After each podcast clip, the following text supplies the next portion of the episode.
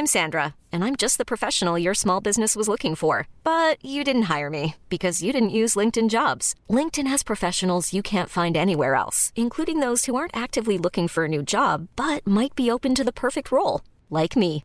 In a given month, over 70% of LinkedIn users don't visit other leading job sites. So if you're not looking on LinkedIn, you'll miss out on great candidates like Sandra. Start hiring professionals like a professional. Post your free job on linkedin.com/achieve today.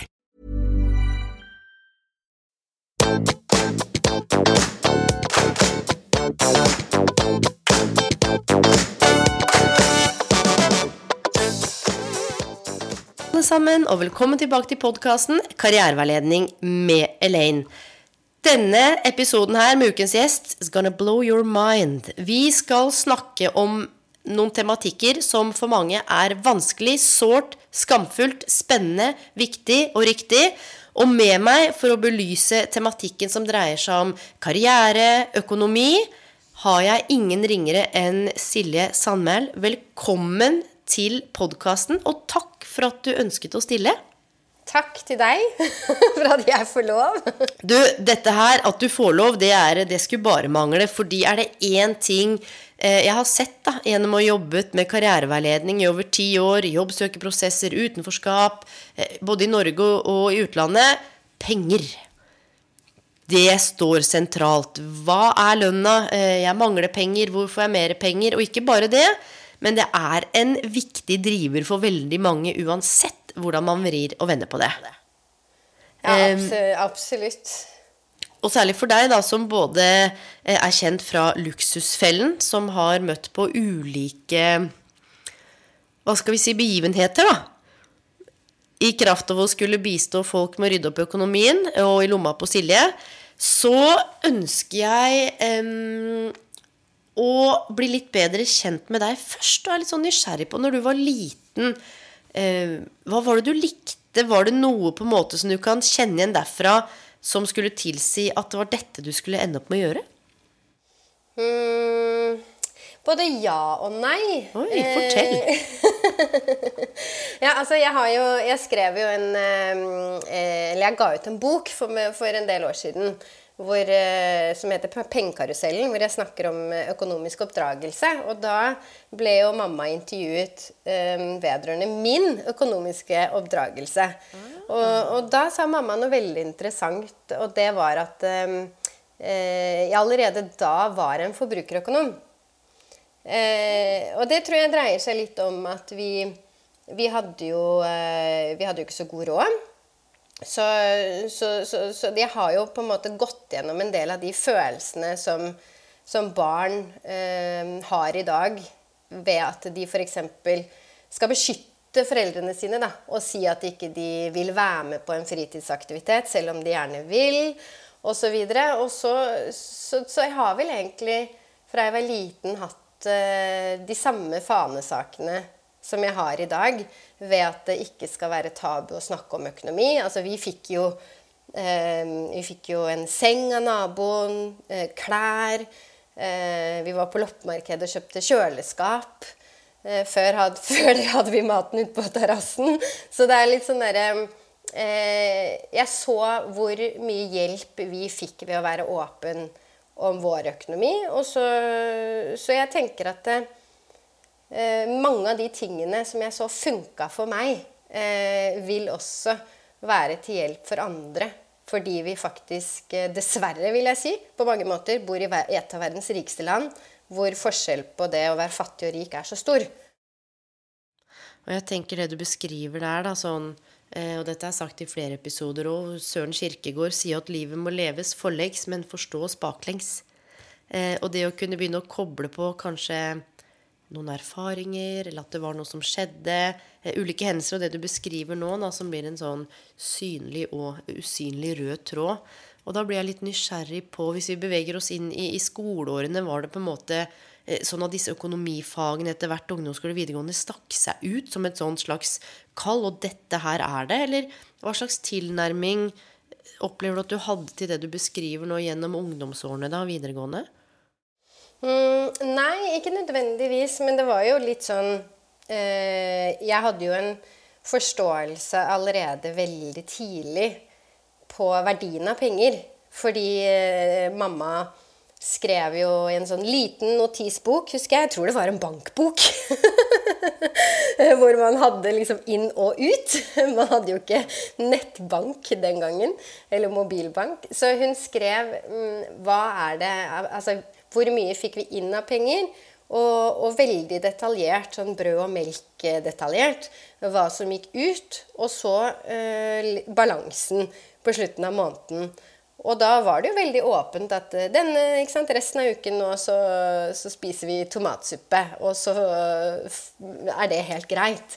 Men det fikk jo en sånn Jeg fikk en veldig stor forståelse på at eh, ting koster, og at man er nødt til å tjene penger for å, for å kunne eh, betale for husleie, strøm osv. Så, videre. så Så det handlet jo om at jeg fikk en sånn veldig tidlig forståelse for verdien av penger. Og begynte jo også å jobbe når jeg var 13 år. fordi da hadde jo jeg lyst på å kjøpe ikke bare den, den billigste genseren, kanskje. Men, men så det, det, handler vel om at jeg eh, ikke nødvendigvis lærte så mye om det på skolen, for det gjør man jo ikke. Nettopp. Og det var akkurat det som var en sånn lite sidespor. men den åpenheten rundt økonomiske utfordringer, da, eh, hvis vi skal kalle det det, selv om det trenger jo ikke bare være det. Ehm, det å være foreldre og ikke håndtere eller oppleve å ha kontroll på økonomien, at det ikke strekker til, og så skulle involvere barna eh, og begynne å sette ord på det, Jeg tenker det er mange som si, opererer i det skjulte og ikke har den åpenheten da, som, som, du beskriver. Um, og så er det jo noe med når man skal involvere og Men for deg så har jo den åpenheten gitt deg noe unikt, da? Og jeg, ja, og det, det, er vel det unike som jeg ønsker også at andre skal oppleve. Fordi jeg har møtt så mange foreldre som har nettopp ikke gjort det unikt. Men de har heller eh, snakket ned yes. eh, og gjort at det har blitt en eh, tragedie istedenfor noe unikt. Fordi det er klart at det, det er jo veldig mange måter å snakke om penger på. Mamma kunne komme hjem og, og si 'Yes! Nå skal vi på telttur, og vi skal ha med stormkjøkkenet, og vi skal ut på eventyr.' Istedenfor å komme hjem og si 'Nei, vi får ikke dratt på uh, sydentur'. Uh, det er veldig dumt, fordi alle andre får lov til det. Men vi skal bare på en telttur. Så det er jo veldig mange måter å eh, begeistre barn på. Og det er klart at den begeistringen, den eh, har man eh, et veldig stort ansvar for eh, som forelder. Fordi at man kan eh, gjøre begeistringen om til noe som koster penger, eller man kan gjøre begeistringen om til noe som er helt gratis. Mm. Så kosen, det må man huske på, den definerer man jo selv. Ja, og jeg tenker dette her også um, handler i stor grad Eller er også knytta til hvilke selvfortellinger narrativer vi har hos selv som foreldre, som forbrukere. Eh, eh, hvem vi er, og hva som vi opplever er skam eller tabubelagt. Da. Um, og litt sånn tilbake til det du sa. Du var 13 år og fikk deg jobb. Det gjorde jeg òg. Jeg hadde lyst på TV. Fattern sa aldri i verden at du får TV på rommet.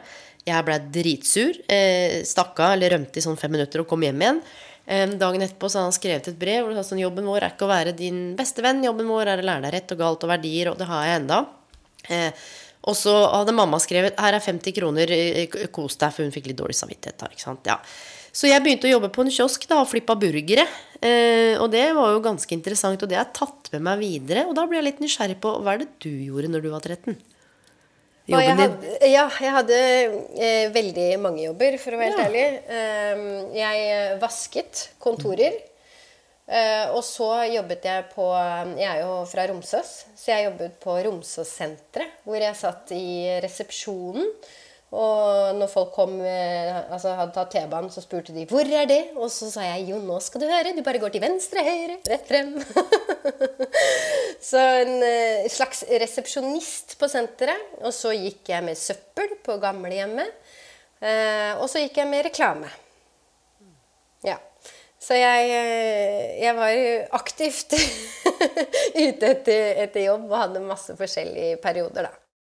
Og de ulike jobbene, eller gjennom de ulike periodene Det er jo ikke så alltid kanskje så lett å se når man står i det, men når du beskriver at du sitter der som en slags sånn service, resepsjonist, kommunikasjon, mennesker, alle samfunnslag um, Er det ting du kan trekke med deg fra uh, de tidligere jobbene, ikke sant? som man tenker å, det har ikke noe å si, det kan jeg ikke ha med på CV-en, det er ikke av betydning. Men så man kanskje når man blir litt eldre også ser tilbake og tenker sånn Ja, dette her var viktig. Er det noen sånne konkrete ting du kan trekke ut fra noen av de jobbene du har hatt før du eh, landa eh, der du er nå, da? Mm, jeg vil ikke si at det kanskje har noe relevans. Eh, men det er nettopp det som er når man begynner å jobbe tidlig, så, så handler det mer om en erfaring og en eh, stå-på-vilje, som jeg sier til barna mine. Fordi når jeg fikk min første jobb, og så hadde jeg altså jeg hadde en CV som var to sider lang, med forskjellige, forskjellige jobber, forskjellige verv. Eh, og det er klart at uh, veldig mange kommer jo til sin første jobb og ikke har så veldig mye på CV-en. Og jeg sier ikke at det er noe galt med det, men det er klart bare det å være med i russestyret, eller være med på revyen, eller bare vise at man er aktiv eh, som student.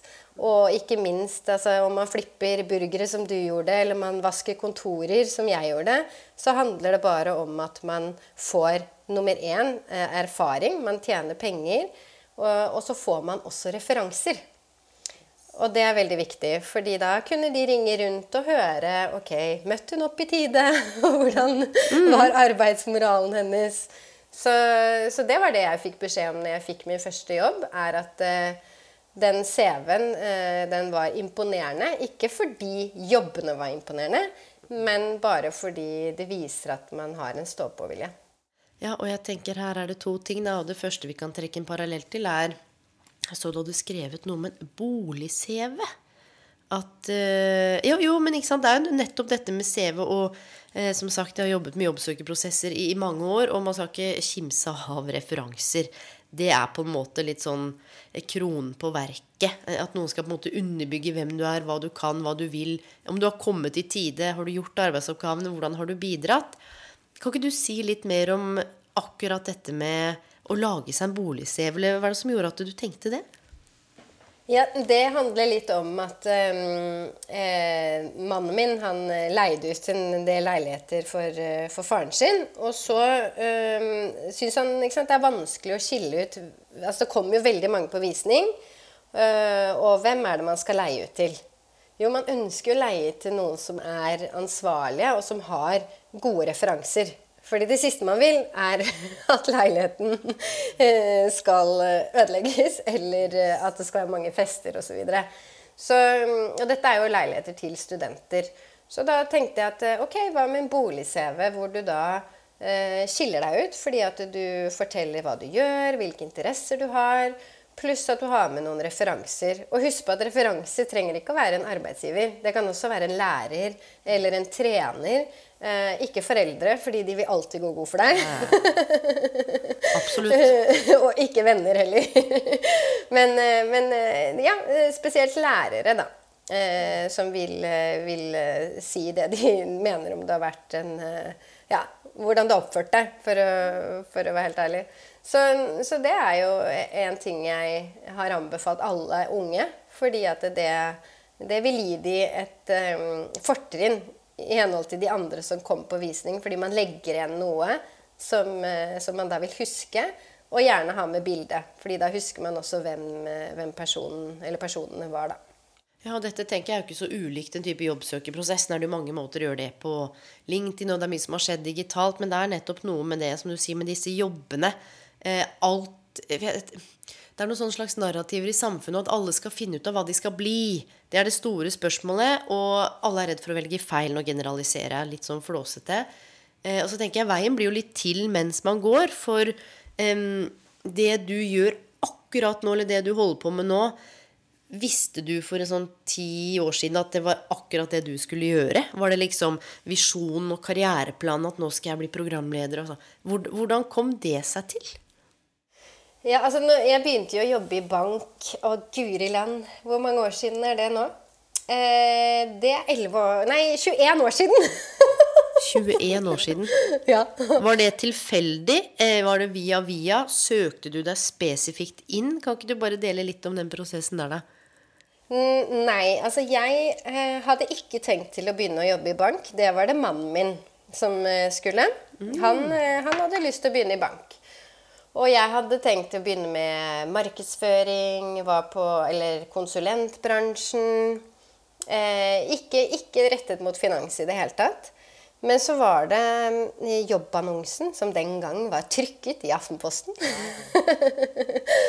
som, eh, som lyste mot meg, eh, og, og var på en måte en eh, Altså, den trigget meg eh, fordi at den innholdet passet meg veldig. Og det var eh, Det dreide seg om formidling. Uh, og jeg er veldig glad i uh, formidling. Jeg har jo tidligere spilt revy i mange år. Uh, elsket å stå på scenen og formidle ting. Holde taler. Nevnte russestyret, ANSA Jeg har vært i mange styrer opp igjennom. Og syns det er det å kunne lære bort og gjøre en Hva skal jeg si? Make a difference. Eh, det lyste mot meg da, i den annonsen. Og det var tilfeldigvis en bank. Men, eh, men det Ja, så når jeg var på jobbintervju der, så eh, fikk jeg jobben og begynte å lære opp da rådgivere i banken eh, om privatøkonomi og holdt foredrag om pensjon. Det var veldig gøy når du da er eh, 21 år og holde foredrag for pensjonister. Veldig sånn Jeg følte meg så liten.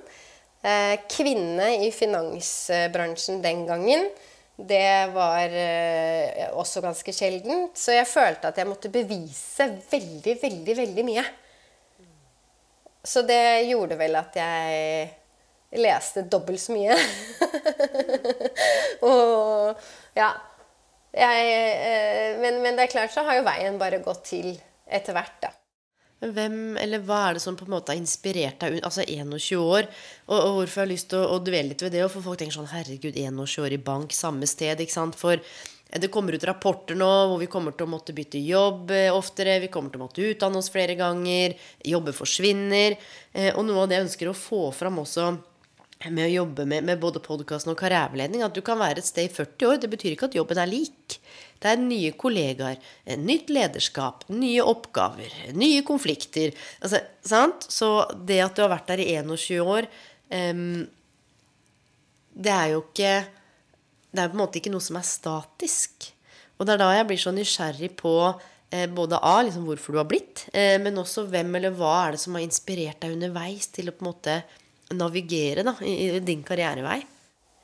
Ja, altså det Jeg føler jo at jeg egentlig har formet eh, rollen min eh, og skapt, min, eh, skapt nye stillinger for meg selv. Og du, det er faktisk et ord som heter jobcrafting, som er henta fra amerikansk forskning, hvor man gjør akkurat det. Jobcrafting. Det, det er helt fantastisk, og at du har fått muligheten til å gjøre det. Eller kanskje tatt muligheten.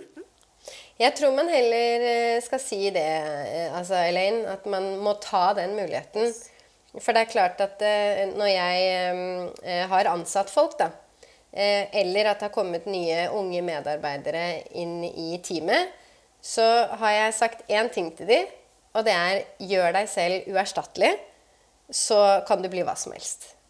Og det, det kan være uerstattelig fordi du, du tilfører miljøet eh, noe unikt i form av at du smiler hver dag du kommer på jobb og spør folk hvordan har du det. Eh, bryr deg, gjør andre gode.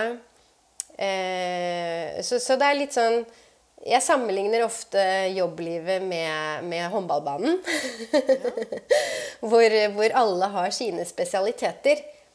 Eh, men det viktigste av alt når man eh, er et lag eller et team på jobb, er at man spiller hverandre gode. Så, så det er jo noe med å gjøre seg uerstattelig.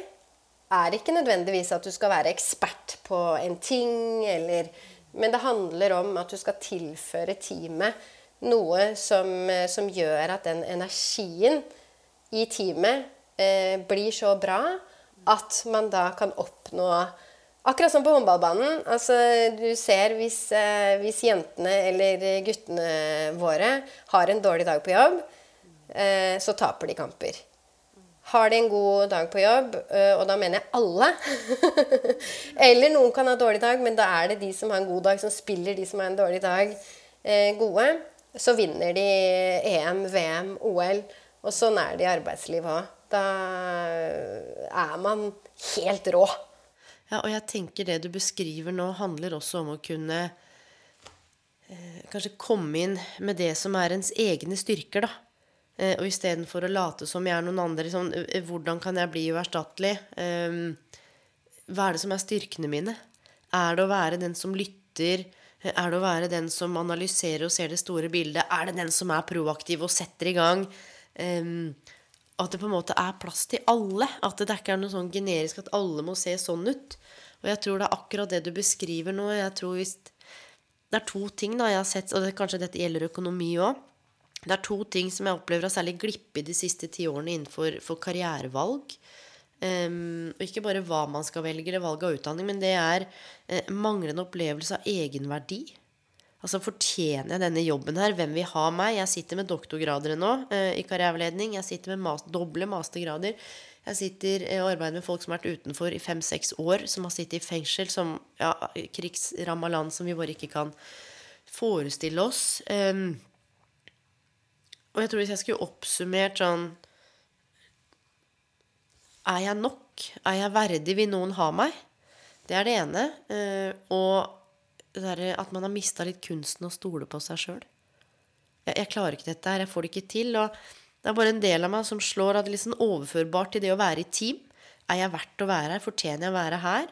Eh, men også i forhold til økonomi. Eh, jeg har ikke noen verdi. Altså, altså, jeg, jeg, jeg, er ikke verdt å ordne opp i dette her. Og jeg har ikke noe tillit til at jeg kan få det til. Det er, som, det er flere ting som, som gjennomsyrer ulike arenaer, om det gir mening. Ja, absolutt. Og jeg tror nok um, Det som jeg syns er litt sånn synd da, med den utviklingen vi har i samfunnet vårt i dag, er at uh, ja, selvfølgelig uh, så bør man ha en utdannelse, og det er jo viktig. Det er viktig med en utdannelse. Men allikevel så føler jeg også at eh, teamene jeg tidligere var på, var mye mer diversifisert. Altså de var mye Der kunne du ha noen som eh, eh, ikke, sant, ikke har noe skolegang, men, men, som tilførte masse i teamet. Mens nå blir det litt sånn mer likt. Eh, og det syns jeg Der syns jeg også bedriftene bør være litt mer tar sjansen. Og, og få, få, inkludere eh, han som satt i fengsel, eller hun som satt i fengsel i fem år. Eller inkludere noen som eh, ikke sant? Ikke kanskje har den utdannelsen som kreves i stillingsbeskrivelsen. Så ja. Det er det. Og, og, og, dette er så viktig. Jo, men ikke sant? Dette gjør det jo vanskelig å komme inn igjen på arbeidsmarkedet. Jeg har jobbet med utenforskap i mange år, så skal du først eie det at du har vært i fengsel, at du har vært ute, du har vært psykisk syk eh, det, har vært andre ting da, som har gjort at du har et hull i CV-en som ikke jeg liker. Det er mer enn at livet skjer. Og så skal du først på en måte eie det, og så skal du inn og være sårbar og formidle det. Eh, og egentlig, hvis man ser litt sånn utenfra, så er det en del spennende kompetanse der. Eh, og hvis man da aldri på en måte får innpass, hvordan skal man få styr på økonomien da? Hvordan skal du kjenne på selvstendighet? Og det er derfor jeg syns det er så spennende å ha deg med. Eh, fordi karriereøkonomi, så alt dette her henger jo sammen og kan jo ikke ses på som isolert fra nære relasjoner, psykisk helse, fysisk helse, hobby, personlig utvikling, spiritualitet for noen. Så kommer man ikke inn, da. Og så mister man troa. Og så kommer fortiden og innhenter deg. Og så Dette her er jo det jeg sitter og jobber med nå til daglig med mange studenter at eh, det er svært få som opplever at du kommer inn, for alle føler at man må ha en mastergrad. Så da har jeg en som har tatt to bachelorgrader, og en doktorgrad som lurer på om eh, så, så, det er et eller annet i det du sier, som jeg også eh, kan stille meg bak. Um, en liten sånn shout-out da, til arbeidsgiverne der ute. Og tørre å satse på Kanskje å tenke litt utenfor boksen også. Ja, absolutt. Og så tenker jeg eh, unge mennesker har jo veldig høye ambisjoner i dag. Eh, jeg føler at det er en sånn gjenganger. Eh, samtidig så, så, er mitt råd der at eh, bare kom innafor. Hvis det er et, et, sted du ønsker, altså du har veldig lyst til å jobbe et sted, så vær proaktiv og, og spør ok, kan jeg, kan jeg, hva kan jeg gjøre her? Du trenger ikke å starte eh, på topp. det er litt sånn viktig. Det er veldig få som gjør det, altså. Men det, ja, det virker sånn. Ja. Jeg er helt det, enig. Det virker sånn, og så, så handler det litt om å eh, ta små skritt, sånn at man føler på den mestringen. For det er klart at eh, hvis man eh, går inn et sted og tenker at nei, men jeg skulle heller hatt den jobben, så, så, gjør du Det er ikke særlig god innstilling å ha da. Gå inn og, og tenk at eh, eh, du skal prøve å, å, jobbe deg oppover. Eller bortover. Mm. Og jeg bare, akkurat det du beskriver nå, det er sånn direkte parallell tilbake til moren din og hvordan hun kommuniserte på en måte i den konteksten dere var. At 'nå skal vi på telttur, dette blir gøy, og nå pakker vi ikke sant, primusen eller stormkjøkkenet'. Um, hvordan den kommunikasjonen eh, Hvordan dette rundt økonomi ble formidla da, og den innstillingen og holdningen hun hadde, det tankesettet, og hvordan bare det du beskriver nå, da liksom Det bare dukka opp for meg igjen akkurat de, de innledende ordene. At det er noe som ligger der. og um, ja, innstillingen, holdningen. Og dette er jo ting som er trenbart hos oss mennesker. Ja, og jeg tror nok noe som står veldig sentralt, som jeg snakker veldig mye med barna mine om, eh, det er sammenligning. Fordi at um, dette gjelder jobb, dette gjelder økonomi, det gjelder egentlig alt i livet. Utseende. Så, så sammenligner vi oss altfor mye med andre. Og, og, det gjør ofte at man ikke blir fornøyd med det man har, eller den man er, eller de midlene man har. Og dette viser jo forskning også på økonomi, at det er jo ikke eh, hvor mye penger vi har som gjør oss lykkelige. Altså du skal jo selvfølgelig ha penger til det, det nødvendige, men det er hvordan vi bruker pengene, og hvem vi sammenligner oss med. Fordi jeg vokste opp på Romsås eh, og sammenlignet meg med de. Da fantes det jo ikke sosiale medier og var kjempefornøyd med det. Alle var i samme båt. Eh, men i dag så sammenligner man seg jo med folk på sosiale medier. Pluss at man gjerne da sammenligner seg med naboen. Og hvis man har lite midler, så sammenligner man seg med eh, naboen hvis de har mer. Og da føler man at kanskje den jobben man har, at ikke den er bra nok. Man føler på at eh, man ikke får kjøpt de samme fine tingene. Så det er jo veldig interessant. Bjørg, eh, som jeg nå samarbeider med i Destinasjon glede, sa det veldig bra til eh, barna mine når hun var på besøk. jeg har prøvd å formidle dette lenge. Ikke sammenlign dere med andre gutter. Eh, mens hun sa det til gutta mine, så sa hun eh, Vet du hva? Dere må aldri sammenligne dere oppover. Dere må sammenligne nedover. Og sånn er det. Fordi da setter man pris på Eh, det man har, og den man er. Mm. Det der var helt nydelig. og eh, Bjørg Thoralsdottir hun var jo gjest for et par episoder siden. Hvor vi livlig og i masse eh, farger malte med bred pensel om, om, nettopp Destinasjon glede, som du også faktisk er en stor del av. Det skal vi også komme litt tilbake til. Og hvorfor jeg liker eller hvorfor jeg ville ha litt denne personlige introen, er jo nettopp det. Fordi for mange så er du på TV, stilige klær, hjelper andre. Men så er det noe med å forstå eh, at du på lik linje med alle andre Vi er jo mennesker med egne tanker og følelser. Og jeg har lyst til å, å bli enda litt bedre kjent med deg før vi hopper videre til noen spørsmål og destinasjon glede og litt, litt mer dypdykk i økonomi. Um, kan du huske en tid i i bank da, hvor du kjente at du var usikker eller ville ta steget ut? Nå sa du at du hadde på en måte skapt egne jobber, men kan du huske en lang gang du var i villrede? Og eventuelt, hva gjorde du da? Å, jeg syns jeg er i villrede hele tiden. så deilig. Du, vet du hva, jeg veit ikke hva jeg skal bli når jeg blir voksen, eller hva jeg gjør om fem år. Og jeg syns det er befriende. Så det var jo ikke så verst å høre. Nei, jeg syns det er veldig vanskelig, Elin. Jeg Eh, man har jo sånne samtaler med sjefen sin eh, to ganger i året hvor man skal sette et mål. Hva skal du gjøre om fem år?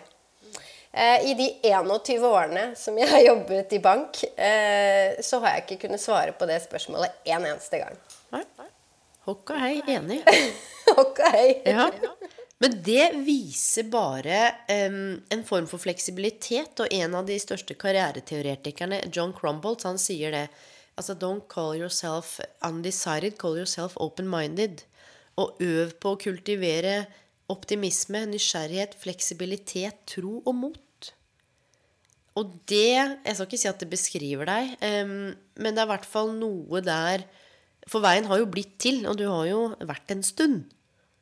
Så, men har du hatt noen konkrete mål, da? Selv om ikke det har vært femårsplan? Har det vært noe delmål noe sånn inni deg som du kanskje ikke har sagt høyt? Mm, Nei. Men det som, eh, det som jeg eh, har tatt stilling til, er jo hva som gir meg energi. Eh, og det er klart at det kan endre seg underveis. Men jeg har jo funnet ut at det å hjelpe mennesker, det gir meg enormt med energi. Så, så jeg kunne sikkert ha, ha gjort noe annet i morgen. Eh, kanskje dratt eh, og hjulpet noen eh, i et eh, u-land. Men, men eh, det er klart at eh, så lenge jeg merker at det er behov for meg i privatøkonomiens verden, så, så, så syns jeg at jeg ikke liksom Jeg er ikke ferdig med det kapitlet. Eh, så, og en annen ting som jeg syns er viktig å, å påpeke, er jo at eh, mange kan jo være misfornøyd i, eh, i arbeidet sitt underveis. Men en ting som er kjempeviktig å tenke på, er at du får ikke gjort noen ting med eh, noen rundt deg, eller arbeidsoppgaver eh, som f.eks. For forventes. Eh, det eneste du kan gjøre noe med, er deg selv. Så ofte så når man får sånne Å, nå har jeg lyst til å gjøre noe annet. Å, nå er jeg lei. Så har jeg alltid eh, tatt penn og papir og skrevet ned Ok, hva kan jeg gjøre nå for at min arbeidssituasjon skal bli bedre? Og da, Elaine, har det plutselig poppa opp en ny stilling. Og, og dette her, og, og, og særlig sånn som samfunnet er nå, så er det mulig, ikke sant? Eh, Hvis vi ser tilbake, mamma jobba i Nav i 50 år, ikke sant? Gullklokka. Det var ikke så veldig mye jobbcrafting der, mens nå er det, det, er, det er CTO og CFO og Chief Storyteller. Det, er så mye nå som man kan skape, og det er flere um, kreative sjeler også som blomstrer opp og fram. Og jeg tror bare det at du sier dette her høyt nå, at det går an å skape egne stillinger i bank. Altså, For der er det sånn saksbehandling, rådgiver altså? Hvis du har et litt sånn utenfra-blikk da, og ser inn Skape roller i bank? Hva er det du snakker om? Det, det, ja, men det er litt sånn ren magi, og i hvert fall for meg fra et karriereveiledningsperspektiv. Ja, det er mulig å komme inn eh, og starte et sted, og så være med og ta grep og styring om egen karriere. Og det er jo det du har gjort. Aktivt tatt grep i forhold til dette med karriereutvikling. Men da har, er det sånn at når du har tatt penn og papir, ting har poppa opp, så har du bare dundra ned døra til sjefen og bare 'Nå har jeg det! Nå skal jeg egentlig slutte, men gi meg dette her.' Eller hvordan har du på en måte For du er jo ganske eller ikke ganske Du er en utmerket kommunikator. Eh, Du er veldig dyktig til å formidle, veldig pedagogisk. Altså eh, rund i kantene. eh, altså, Ikke sier de rette tingene, men en sånn flott måte å formidle på med sånn mildhet. Og derfor så lurer jeg på hvordan du har fått det gjennom. Hva er det du har solgt inn av visjoner, eller sånn? For det kan jo være litt spennende for folk. Ja, absolutt. Og det er jo ikke eh, Nå har jeg jo de siste elleve årene jobbet eh, i DNB i samme stilling som forbrukerøkonom. Men det er klart at det, stillingen har jeg jo formet selv. Ved at jeg da eh, har f.eks. kommet opp med et nytt T-program i lomma på Silje. Kommer nå med et en nytt TV-program. Kan du si det nå? Eller er det hemmelig? Det er hemmelig, men Å, herregud. Handler det om økonomi? Handler det om penger? Ja, ja. Det handler om, eh, handler om penger, men, eh, men det handler eh, Hva skal jeg si Mer om eh, det som er rundt pengene. Eh, mer om forståelse for, eh, for hvordan vi bruker penger. Ja, nå, Jeg kan ikke røpe for mye. Nei, ikke gjør det. Da, da skal jeg ta ved ballen igjen, for at du kommer til å få lyst til å si det, vet du. For det er jo i og med Ja, at det er noe du jobba med å gira på, så det jeg skal stoppe deg så ikke det er noe sånn men, men akkurat dette her, eh, og igjen da tilbake til liksom karriere og broen over til økonomi det handler ikke bare hva skal jeg velge, hva skal jeg jobbe med. Det handler om eh, hvordan velger du, hva slags karrieremønstre har du, hva har du med deg? Kanskje nettopp fra barneårene, av hva folk forventer av deg, penger, bruk, ikke Det er så mye som er så tett sammenvevd. Og det er der også jeg blir nysgjerrig på litt av det motet til å, å skape sin egen stilling. Og, for du har jo eh, flere karrierer. Sant? Du er jo programleder og forbrukerøkonom, og eh, det er, det er, du har flere karrierer, på en måte. Ja, og det, det tror jeg er viktig å tenke på. Nå er det jo selvfølgelig ikke alle stillinger man kan forme.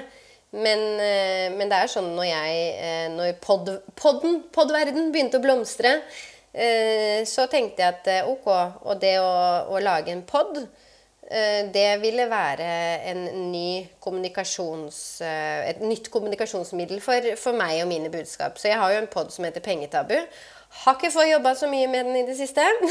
Men men hør på den, folkens. Den er jo der. Jeg linker til den i, i teksten også. Ja, det er hyggelig. Ja, ja, Men, ja. eh, men så, så det er jo noe med eh, Jeg elsker jo disse unge som eh, nå kommer inn og jobber, jobber sammen med Altså i teamet mitt, hvor de kommer med ideer på La oss lage det og det. Det er trender der og der. Og det kan være helt sånn eh, altså ha, ingenting med egentlig det vi driver med. Men poenget som, som er motto der jeg jobber, i hvert fall, er at 25% det skal handle om nysgjerrighet og nye ting, og man skal feile. Man skal feile masse, men man skal i hvert fall bare prøve. Og ingen eh, ideer er dumme. Eh, fordi en dag så er det en sjukt bra idé som faktisk eh, lykkes. Men eh, for at det skal lykkes, så må man feile. Og jeg tror det er veldig viktig at man ikke skal være så redd for å komme med forslag eller ideer. Fordi at det I hvert fall hos oss så blir det veldig godt tatt imot. Og, og mange av ideene blir jo, blir jo videreutvikla. Det er jo det som driver kreativitet, altså innovasjon, eh, friheten til å skape, da. Og jeg tenker Særlig når det gjelder kanskje eh, økonomi, at nå, nå får du hjelpe meg, men mange blir veldig fastlåste. Eller ser på en måte ikke noe vei ut av eh, ja, kanskje sånn hvis man har altfor mye gjeld, eller på en måte det ikke går rundt eller eh, kommer ovenpå, hva Det har kommet inn en del spørsmål også, men hva, hva er det som du tenker umiddelbart i forhold til dette med litt sånn fastlåste tanker knytta til økonomi? Ja, men dette fortjener jeg, eller ja, jeg fortjener jo ikke noe bedre. Har du møtt på noe av det noen gang? Ja, jeg har eh, Dessverre så, så møte, har jeg møtt på det ganske mye. Mm, og at det er en link der, på en måte? Ja, mange føler seg fastlåst eh, fordi at eh, man selvfølgelig har Man har jo ting eh, som Altså, man har utgifter man må betjene. Man har lån. Eh, og tør ikke å ta sjansen eh, til å gjøre noe nytt. Men samtidig så har jeg også da mm, Dette gjelder jo spesielt de som var med i Luksusfellen. Fått vært med på noen episoder hvor disse fastlåste tankene Man har funnet nøkkelen, og det dreier seg om troen på seg selv og alt er mulig. Det er kun meg det står på. Som da har tatt eh, kveldskurs, tatt online-kurs og videreutdannet seg. Eller, eller trenger jo ikke å videreutdanne deg heller, men ta noen kurs som, som gjør at du kan eh, få gjort noe som du syns er gøy å drive med. Så det er jo klart at eh, jobben har jo veldig mye å si for hvor bra du har det. Mm. Og, og, det var litt det vi var inne på i stad, som du sa når du sa med den lappen og satt liksom til og skrev Oi, hva, hva, er det nå, eller hva er det jeg kan gjøre? Og det jeg ofte har sett, eh, eller ikke ofte, men av og til, er åh, lei av jobben, eh, hater kollegaene, alt er dritt. Eh, og så med litt sånn slags helhetlig tilnærming så eh, finner vi ut at oi, det er ikke så ålreit hjemme nå. Der er det trøbbel. Eh, og den energien og det, den kavinga og de økonomiske problemene, eh, det tar man jo med seg på en måte på jobb. For jeg hører jo litt sånn ja, om jeg legger inn privatlivet hjemme. Hører hva du sier, men så er vi liksom litt sånn 24-timersmennesker òg, da. Så det går på en måte ikke an å bare Ikke sant. Det ligger jo der, eh, og kanskje påvirker eh, måten man kommuniserer på, hvordan man forholder seg til andre. Litt mer anspent, og kanskje ikke selv ser rollen sin da, i det å ikke ha det godt på jobb. Og det har også vært en sånn aha for mange at å, men jeg trodde fristedet var på jobben, nå liker jeg ikke de på jobben. Å, men det er trøbbel på denne arenaen. Jeg sliter så økonomisk at jeg får ikke sove, jeg er sliten, jeg har ikke energi, jeg er helt utmattet, jeg klarer ikke å gjøre jobben min, sykemeldt. At det er så mange eh, parallelle prosesser her, da.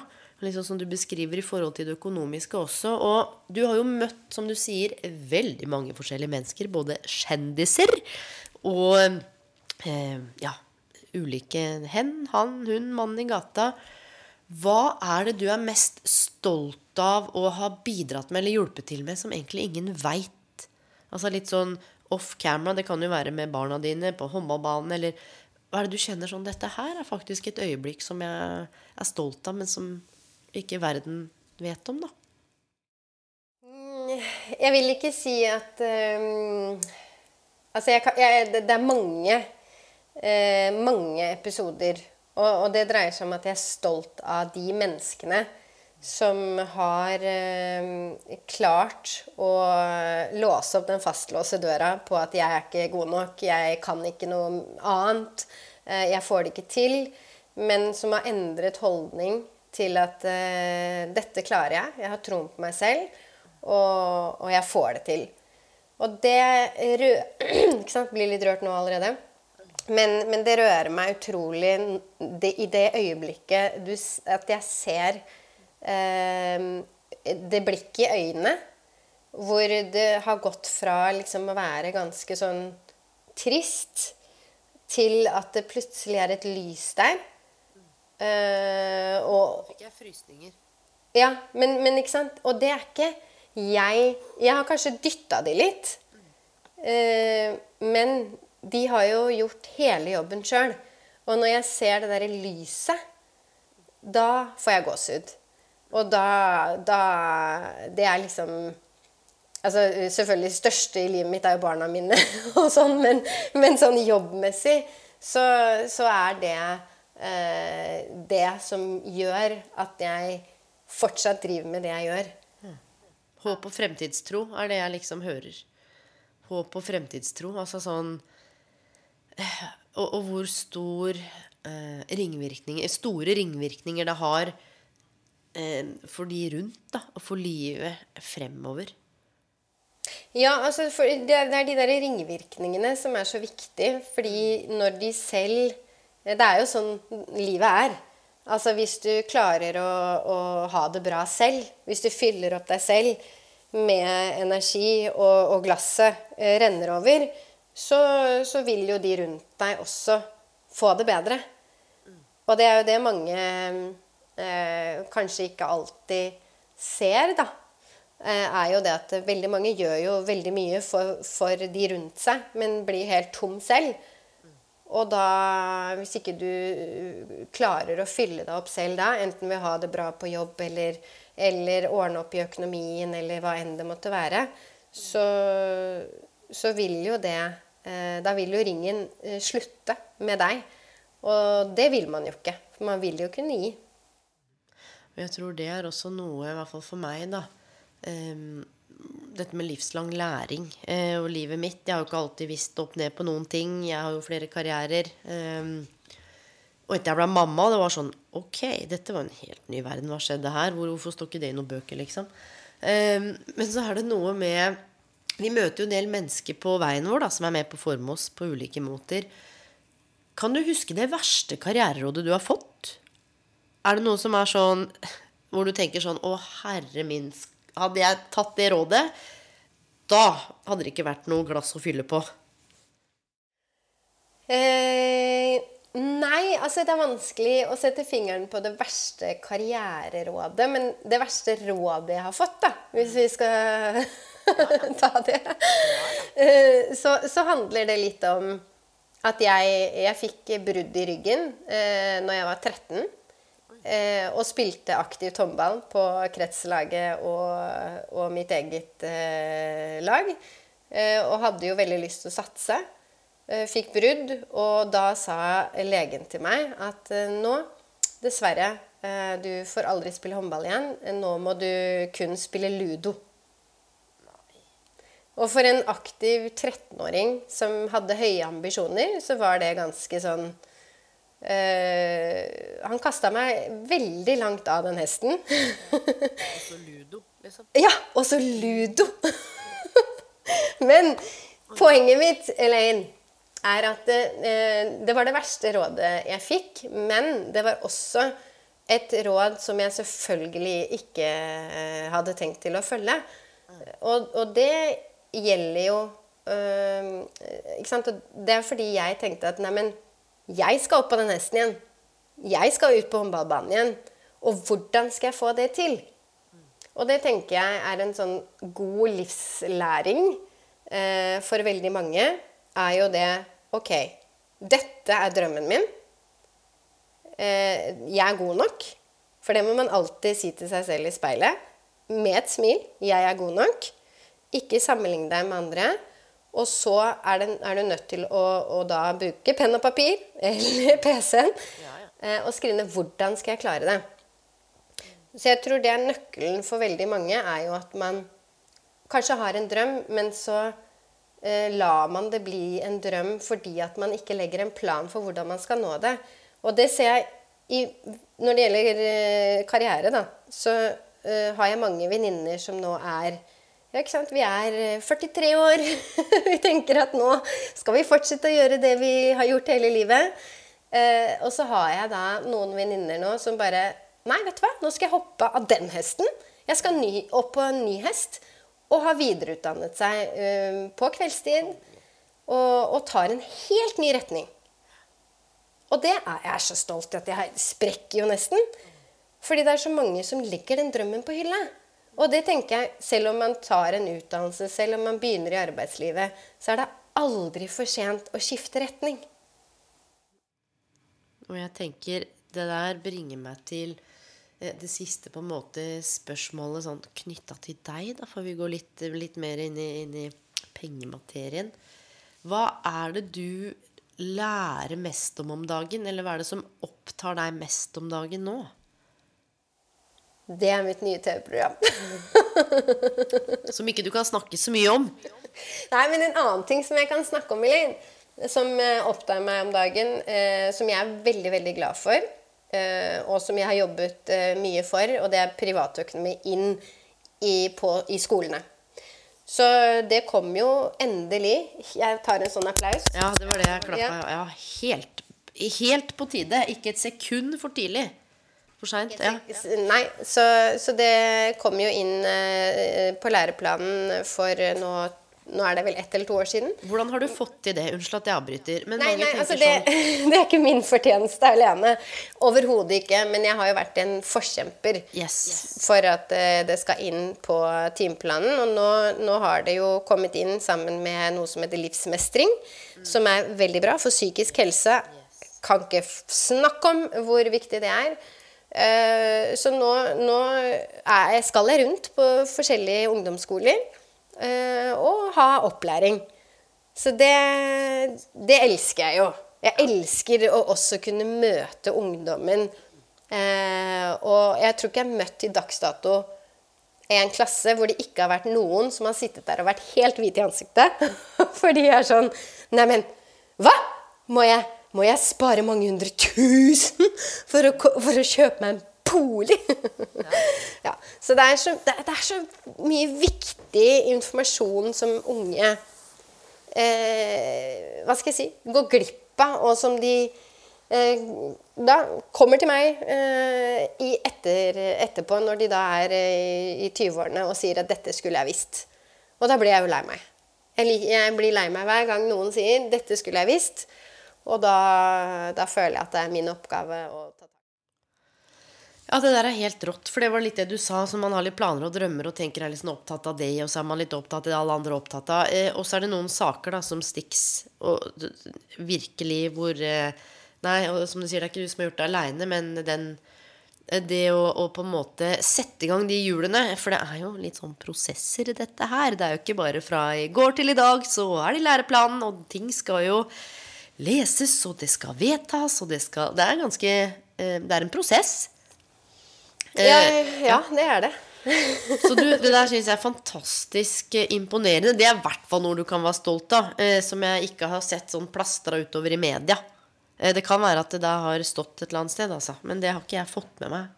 Nå har ikke jeg drevet og nigoogla deg i fem år heller. Jeg ville helst ikke vite så mye. Jeg har jo sett litt her og der, men eh, Men jeg skal ikke, ikke ta på meg æren for det. Nei men- Eh, jeg, har, jeg har bare vært en forkjemper. Jeg har, vært, jeg har gått i demonstrasjonstoget, for Ja, å si det sånn. Men det Ja. har vært et eh, viktig tog eh, å gå i, og jeg tenker det er sånn fin overgang til bl.a. Destinasjon Glede, som vi må innom. Jeg hadde jo fargerike Bjørg Toralsdottir her hjemme på kjøkkenet, hvor vi spiste nøtter og lo med, med meteren. Vi møtes jo digitalt nå.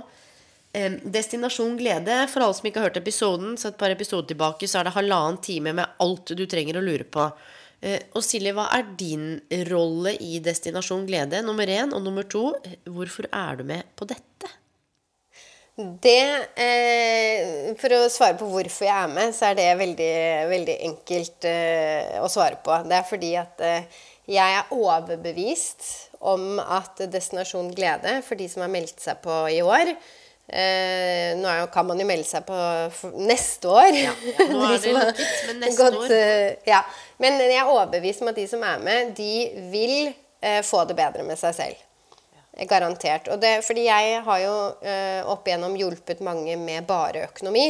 Eh, jeg har jo ikke kompetanse når det kommer til trening, kosthold, relasjoner, eh, andre ting som man går gjennom i Destinasjon glede. Eh, og jeg skulle ønske at hele mennesket ble reparert når jeg da eh, klarer å på en måte skru eh, Bare den skrua på økonomidelen, så er det veldig mange andre ting som burde vært på plass. Så det gjør jo Destinasjon Glede. Den eh, skrur på alle de tingene som gjør at du blir eh, et helt og da mer lykkelig menneske. Det er jo ambisjonen til Destinasjon Glede. Og det er jo også fellesskap. Nå er det jo korona, da, men sant, samlinger, fantastiske bøker. Jeg har jo eh, fått to av de nå. Og bare sånt vanvittig team med så mye kompetanse, eller med ulik spisskompetanse, da. Og dette her er litt av poenget hvorfor jeg liker det så godt. Fordi folk som lurer på eh, råd om karriere, de snakker gjerne med PT-en sin. Og de som lurer på kosthold og trening, snakker gjerne med økonom... Altså, det der, man må, man må Hvis det er en arena man opplever at man har utfordringer, så er det noe med å ta tak i den Jeg liker ikke ordet ekspert, men den som kanskje har litt kunnskap på det området. Og det er litt det du sier. Du har skrudd til på økonomi, og så har du kompetanse på andre ting, men så er det andre som kommer inn og skrur til på sine kompetanseområder, så det blir veldig konkret hvordan alt henger sammen, og at det er ulike eh, kompetanse-fagområder. For det har jeg undra meg over så mange ganger at hvis man har utfordringer, så oppsøker man noen i en helt annen næring. Eller, men her eh, knepper på en måte brikkene på plass etter hvert, og man starter jo da med å arbeide med seg selv. Og så eh, ut på denne seil, dette skipet til Bjørg med alle sammen. Hva er din rolle her? Hva, det er selvfølgelig noe med økonomi, men hva åh, ja, Hvis jeg har lyst til å melde meg på neste år, eller bare, hva, hva, hva får jeg etter å måte vært med deg? Du får jo mm, Skal jo rydde opp, selvfølgelig, for de som trenger det. Men det er ikke alle som trenger å rydde opp. Men, men det er ofte veldig mange følelser knytta til økonomi. Det er eh, skam, det er angst, det er dårlig samvittighet, ikke minst. Det tror jeg de fleste kan kjenne på. Eh, Så, så det som er mitt mål, er å få kasta alle de negative følelsene i søpla. Eh, Og eh, sitte igjen med god samvittighet når du bruker penger. I tillegg til at du da også skal bli mer glad over hvordan du bruker pengene dine. Så det dreier seg jo om å sette mål og finne ut av hvordan jeg skal spare til de, og der er jeg tilbake til det jeg sa i sted. Man må alltid, for å liksom komme et steg videre drømmen sin, så er man nødt til å konkretisere det, og man er nødt til å lage en plan. Fordi det er jo ikke sånn at eh, man kan knipse i hendene, og så knipse i fingrene, og så løper man maraton i morgen, eller så har man oppfylt drømmen sin. Så, så det handler jo om å ta de små skrittene sammen. Eh, og føle på mestring, feire, og ikke minst sitte igjen da letta. Skuldrene er liksom ikke høye lenger. Og man har oversikten, og man har satt i gang den veien mot det målet. Ja, og, og jeg mener, og correct me if I'm wrong, at Bjørg sa at du til og med eh, Det er noe som er ferdig utfylt, eller du har liksom eh, gjort det litt enklere. Er jeg på viddene nå? Eller kan det stemme at det er noe man kan få eller få se som, hvor man på en måte slipper å skrive sånn 'Kjære banken, jeg skammer meg skikkelig' og er helt Altså, du har gjort det enkelt for folk å ta tak. Ja. Det er eh, alle de avtalene f.eks. som du bør ha i livet ditt. Som eh, man utsetter og utsetter, som testamentet, samboeravtalen, fremtidsfullmakten. Trenger ikke å gå inn på hva alle disse tingene er nå, men alle avtalene som er et must. som- Samla på ett sted i Destinasjon Glede. Hallo 2023, alle sammen. Altså, Pluss at jeg gjør ferdig alle de mailene som du må sende for å få bedre avtaler på forsikring. det blir fett da for alle bankene og forsikringene rundt omkring. Bare sånn en Tusenvis av mail. folkebevegelse, og banken bare ok, ok, ok. ok. Men du, dette er jo helt fantastisk, og jeg må faktisk bare ta opp noe som, som en sånn slags Eller ikke, det har kommet inn et spørsmål, da. Eh, og dette er faktisk fra en mann. Em, og det er ikke noe sånn sjokk, men det har vært flest kvinner som har skrevet inn. Em, en som har hatt det tøft under pandemien og skriver Hatt det vanskelig, ble permittert, fikk tilbake jobben, ble permittert. Eh, må lese her. Eh, Begynte å ta opp forbrukslån. Har nå gjeld på over 567 000 kroner. Hva skal jeg gjøre? Har jobb. Eh, tjener noe, men helt krise. Og da skriver han Skal jeg få meg en ekstrajobb? Skal jeg fortelle det til samboeren min? Vi har tre barn. Hjelp. Og, og dette her blir generelt. Eh, så dette her er en slags Kjære deg som har skrevet inn, tusen takk. Og ehm, med forståelse for at Silje må svare litt generelt. Men det er flere, tenker jeg, rundt omkring da, som sitter med forbrukslån både foran og bak. Eh, hva, hva gjør man da? Jeg tenker i hvert fall det første som eh, han bør gjøre, og, og egentlig alle de andre som har gjeld, eh, som ikke har sagt det til de nærmeste, er å fortelle det. Fordi det er et sånn ekstra gnagsår. At det, man skal skjule det i tillegg. Så da blir det jo ofte sånn at man fortsetter å invitere ut på middag, man fortsetter Ikke å gi sant. fine gaver, man fortsetter å opprettholde et forbruk som man overhodet ikke har råd til, for å skjule det. Og veldig mange overkompenserer når de skal skjule det. Så ikke, det ikke gjør det. Ja, dessverre. Så, kan, så er det ja. ofte sånn. Å, fy faderullan. Så det er noe med å bare uh, få katta ut av sekken, fordi det vil komme fram på et eller annet tidspunkt uansett. Men det er jo frykten for å bli forlatt, da. Tenker jeg. Som på en måte Eller ikke. Jo da, det kan man godt si, men uh, uh, nå vil jeg si at i alle de tilfellene hvor de som har vært med i Luksusfellen, da, for det er liksom første steget man må ta, er å fortelle det. Fordi ingen har jo sagt det. Det kommer på TV, så du må fortelle det. Du har kniven på strupe. Jo, men, Ja, ja, men bra. Man har jo en frykt, eh, som du sier, Elaine, at uh, man kan bli forlatt. Uh, det er sinne, osv., osv. Men i de aller fleste tilfeller, vil jeg si, så har man jo blitt møtt med en eh, Om jeg skal si forståelse, men i hvert fall en sånn OK. Takk for at du sa det. Eh, hvordan skal du løse dette? Og det er viktig hvordan skal du løse dette? For det er klart at man skal ikke få eh, samboeren til å måtte betale noe eller hjelpe til, eller foreldre, eller Ikke sant? Det handler om at man må rydde opp rotet sitt sjøl. Men fortell det. Det er i hvert fall mitt første råd. Og så er det jo For dette er jo nylig forbrukslån. Eh, så da gjelder det å lage en plan for å betale tilbake dette så fort som overhodet mulig. Men det er jo helt ville renter på Jeg har ett kredittkort, og det har jeg hatt i sånn 15 år hvis det er utenlandsreiser eller Men faren min, da, han har jobbet med økonomi hele livet, eh, og han har Bare hold deg fast, for dette her er helt drøyt. Han har matkvitteringer og permer eh, på kon- på kontoret oppe fra 1984, hvor han har fulgt med på, holdt jeg på å si eh, hvordan matprisen har økt, og ja, konsumprisindekser. Han har full kontroll på alt. Kjører til Prinsdal, jeg bor jo på Kolbotn eller Tårnåsen, for der er det tilbud på gulost. Og så stikker han jo på en måte på Greverud, for der er det tilbud på brød. To Grandiser. Han har full kontroll. Og han elsker det. Og han har lest alt av økonomibøker, og bare Det gir han så mye glede, da. Å ikke sløse penger. Så jeg sa sånn Å, fatter'n, kan vi ikke bestille pizza? Han har vokst opp, sa sånn Du, eh, vi har mat i fryseren. Det er mottatt. Men det er også fordi at han er av litt den gamle garden. Han er 84 år, opplevd krigen i England. Eh, og jeg husker jeg var sånn ah, kan ikke jeg få det og det? Så sa han, du, har du noen gang opplevd å ikke ha tak over hodet? Mat i kjøleskapet? Klær på kroppen? Nei. nei. Så, så der er jeg på en måte veldig sånn eh, Jeg vil ikke si at jeg er noe økonomisk superhue, men det har jeg fått med derfra. For det jeg lurer på, er eh, noe med sånn økonomisk rot eller uro. Kan, kan det stamme på en måte fra eh, barneårene? Eller kan det stamme fra Ja, som du sier, noen følelser, noen mønstre rundt penger? Ja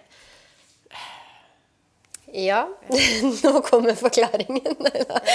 Nei, vet du hva. Eh, Når det kommer til eh, hvorfor ender man opp med å, å gjøre det man gjør, så er det veldig mange forklaringer til det.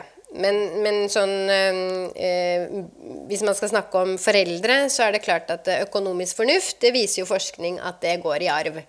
Så det er klart at eh, mange som eh, sløser veldig mye, kan jo se på at det er normalt. Så derfor så, så gjør man det samme. Det er jo veldig Man kan jo si hva man vil, at 'jeg skal ikke bli som moren og faren min', og så går man jo motsatt vei. Men eh, som ofte så blir man jo et produkt av sine foreldre. Så, så det er klart at det eh, kan være en årsak. Og så handler det mye om personligheten din. Eh, og hvordan man er som person. Om man har lav eller eh, høy impulskontroll. Eh, men det som er bra, bare for å få sagt det, det er at mm, selv om man kanskje har en personlighet, sånn som han som sendte inn eh, dette spørsmålet, eh, som da kanskje har eh, lav impulskontroll, eh, i tillegg til at han kanskje er konfliktsky siden han ikke tør å fortelle det, så, så kan man endre det.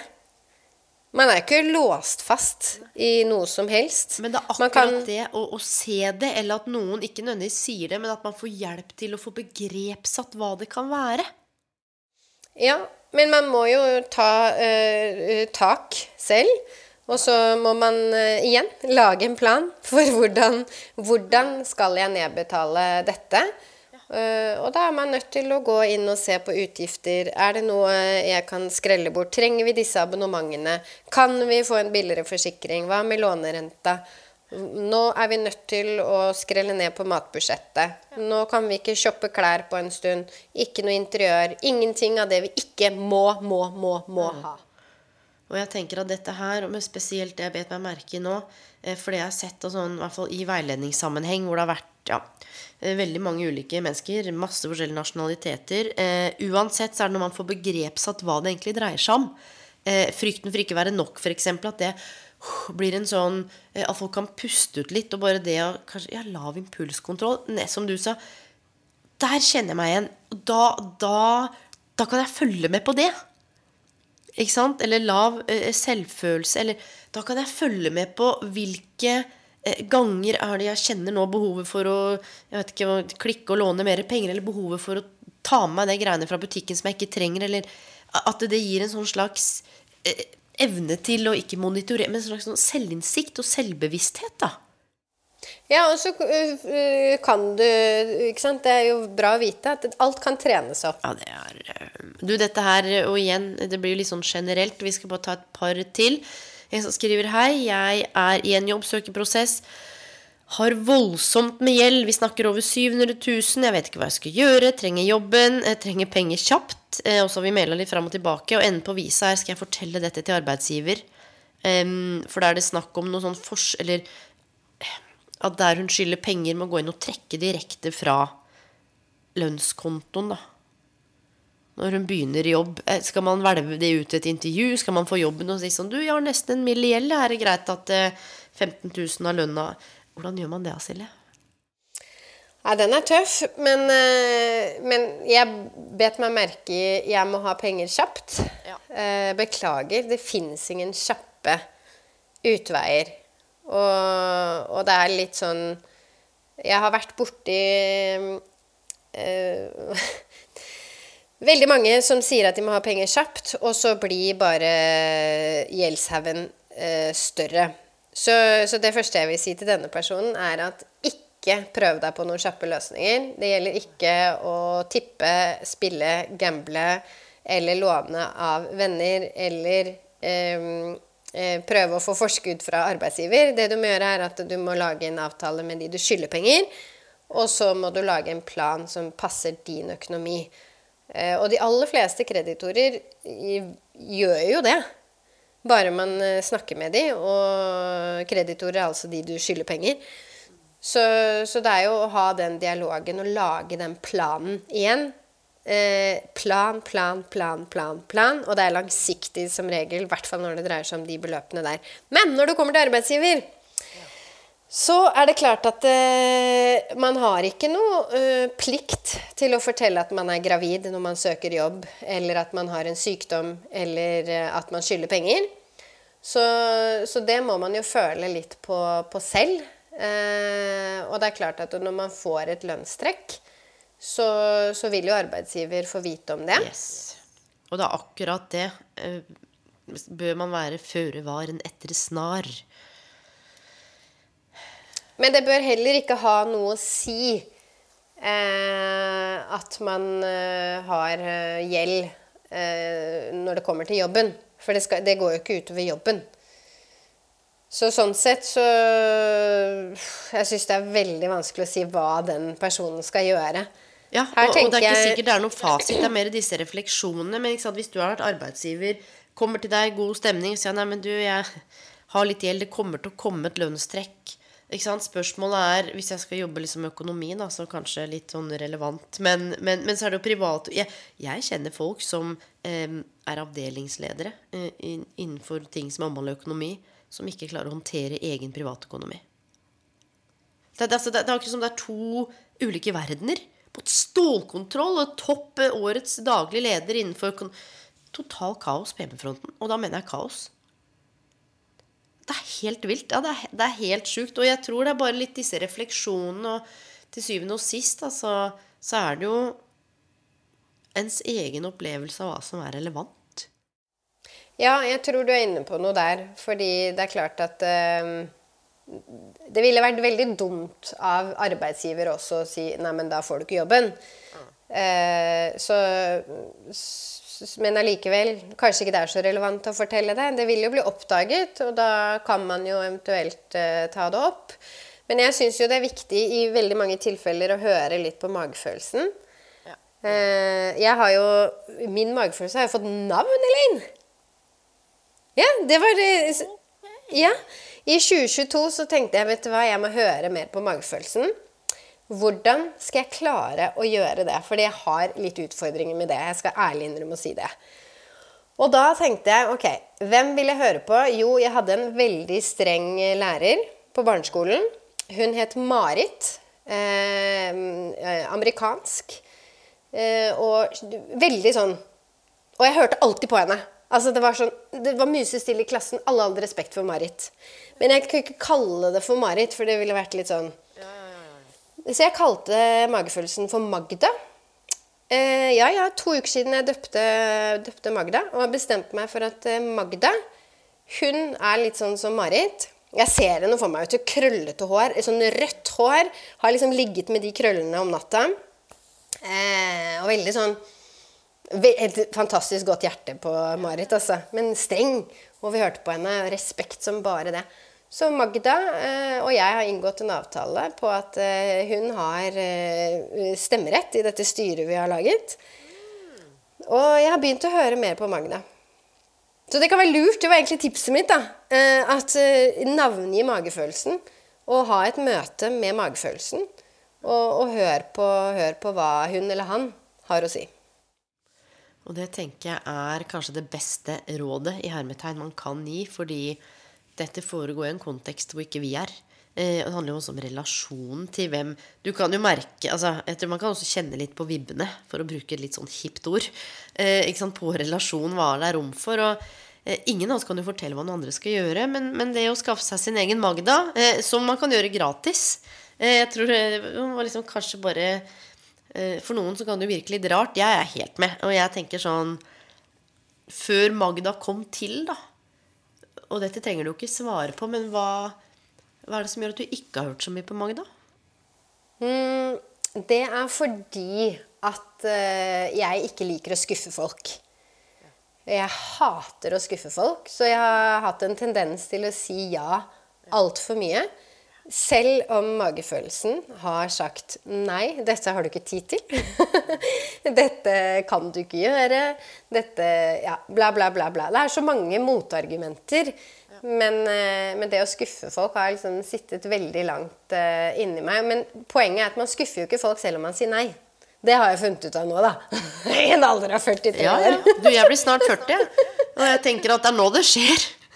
Det er nå det skjer. Det er nå visdom, visdomstenna kommer ut. og ja, men det er, det er, så viktig for bare sånn Hvis vi ser dette her et sånt Ok, ut og spise med venner, kanskje ikke ha penger, det å kunne si nei, eller ikke sant? Det er mange ting her. Altså, nei er ganske sånn kraftig ord, og så uten å måtte forklare seg så veldig òg. De fleste er jo egentlig helt fine med det.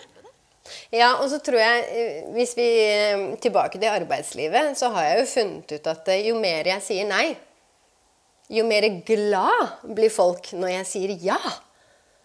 ja. Ikke sant? Så det handler jo litt om det også. At man kan jo si ja til alt mulig, og så blir folk dritskuffa hvis man sier nei. Så da, Derfor er nå min taktikk å si mest mulig nei. og, så, eh, og, så, og så, hvis jeg er usikker, så sier jeg alltid jeg skal tenke på det. Før så sa jeg alltid ja. Men så jeg, jeg skal tenke på det. Og så har jeg et møte med Magda. Eh, og så blir det ja eller nei. Men da har jeg i hvert fall reflektert over det. Og dette her tenker jeg handler om å sette grenser. Det handler om å ta seg sjøl på alvor. Og det tenker jeg um, vi kan ta med inn i de siste sånn avsluttende spørsmålene. Og da har vi snakket sammen litt over en time. Så skal jeg ikke oppta mer av tiden din. Eh, for kanskje du har lyst til å avslutte, men så vil du ikke si det, for du er redd for at jeg skal bli skuffa. Så da skal jeg bare si nå skal vi avslutte veldig snart. Det siste spørsmålet Det har kommet inn, det har kommet inn så mange spørsmål at ja, det er nesten så jeg blir litt svimmel, så vi rekker jo ikke ta alle. Um, veldig sånn kort og konkret. Hei, har vært i samme stilling i to år, er ikke fornøyd med lønna. Hva bør jeg tenke på når jeg skal forhandle lønn? Oh, hvor mange minutter har vi igjen? Nei. Det viktigste når man skal forhandle lønn, det er eh, å komme med bevismappa. For det er klart at du, du kan ikke si 'jeg vil ha mer lønn fordi eh, nå har jeg fått tre unger', eller 'nå har jeg tatt opp mer bolig'. Du må ha, du må ha argumentasjonsmappa, bevismappa di, klar. Og derfor så uh, råder jeg jo alle, da, når man har uh, tidligere Man har jo uh, som regel én eller to ganger i året, så har man jo Eller ikke alle, da, men store bedrifter Eh, og om du ikke jobber i en stor bedrift, så sørg for å ha en prat med sjefen din om eh, kvalitative mål. Det betyr at det er målbare mål, sånn at du kan f.eks.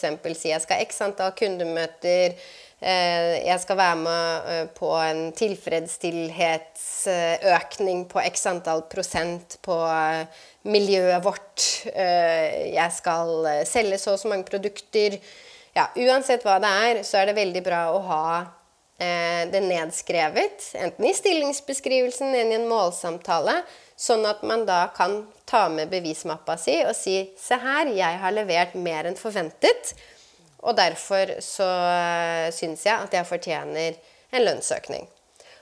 Og det skal ikke mer til enn det. Men det ene er at du har gjort det bedre enn forventet. Det andre er om du f.eks. har Eh, fått en annen stilling.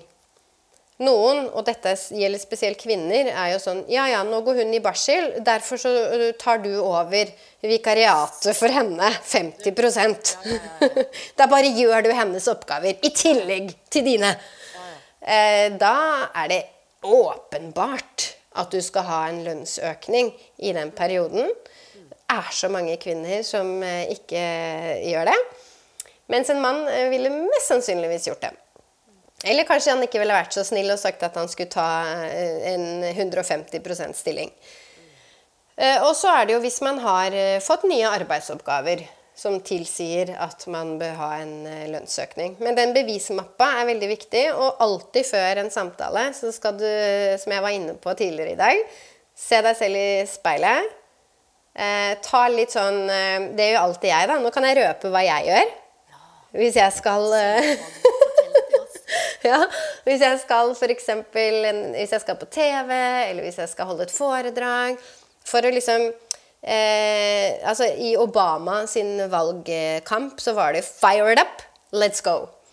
Eh, og ikke for å gjøre det politisk, for det syns jeg egentlig ikke at det er. Jeg syns bare det er en sånn brusende 'fired up, let's go'. Altså det er sånn Man blir liksom power.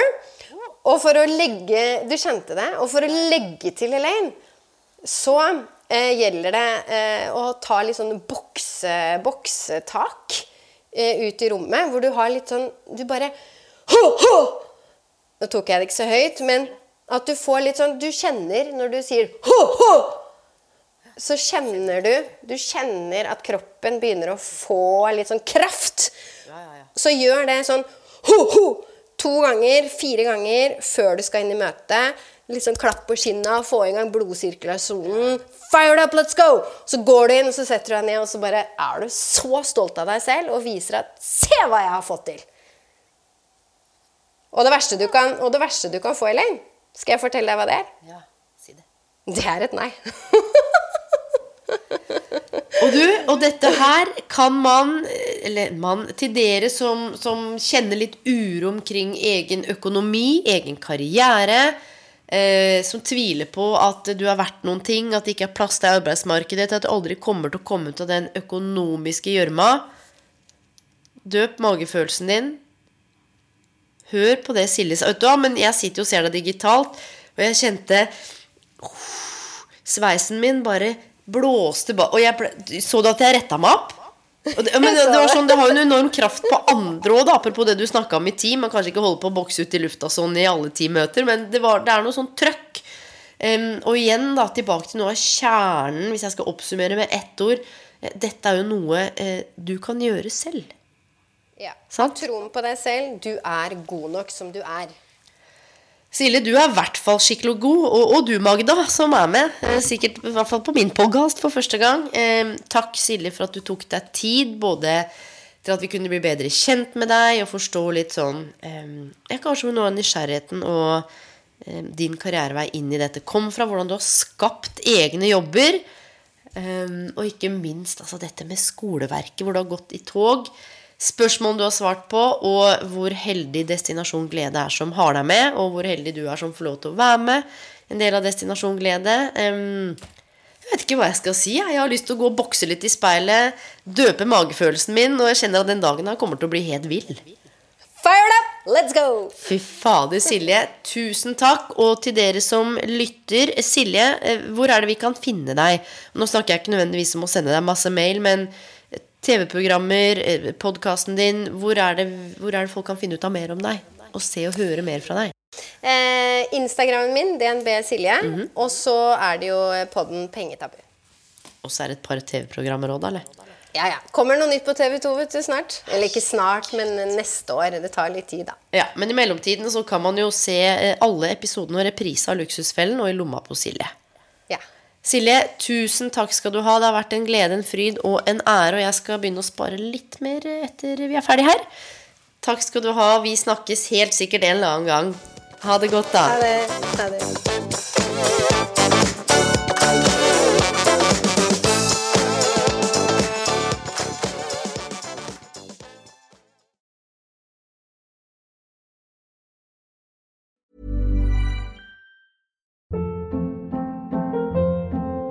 Hold up. What was that? Boring. No flavor. That was as bad as those leftovers you ate all week. Kiki Palmer here, and it's time to say hello to something fresh and guilt-free. Hello Fresh. Jazz up dinner with pecan-crusted chicken or garlic butter shrimp scampi. Now that's music to my mouth. Hello Fresh. Let's get this dinner party started. Discover all the delicious possibilities at hellofresh.com.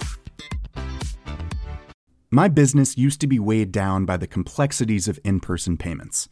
Then, Tap to Pay on iPhone and Stripe came along and changed everything. With Tap to Pay on iPhone and Stripe, I streamlined my payment process effortlessly.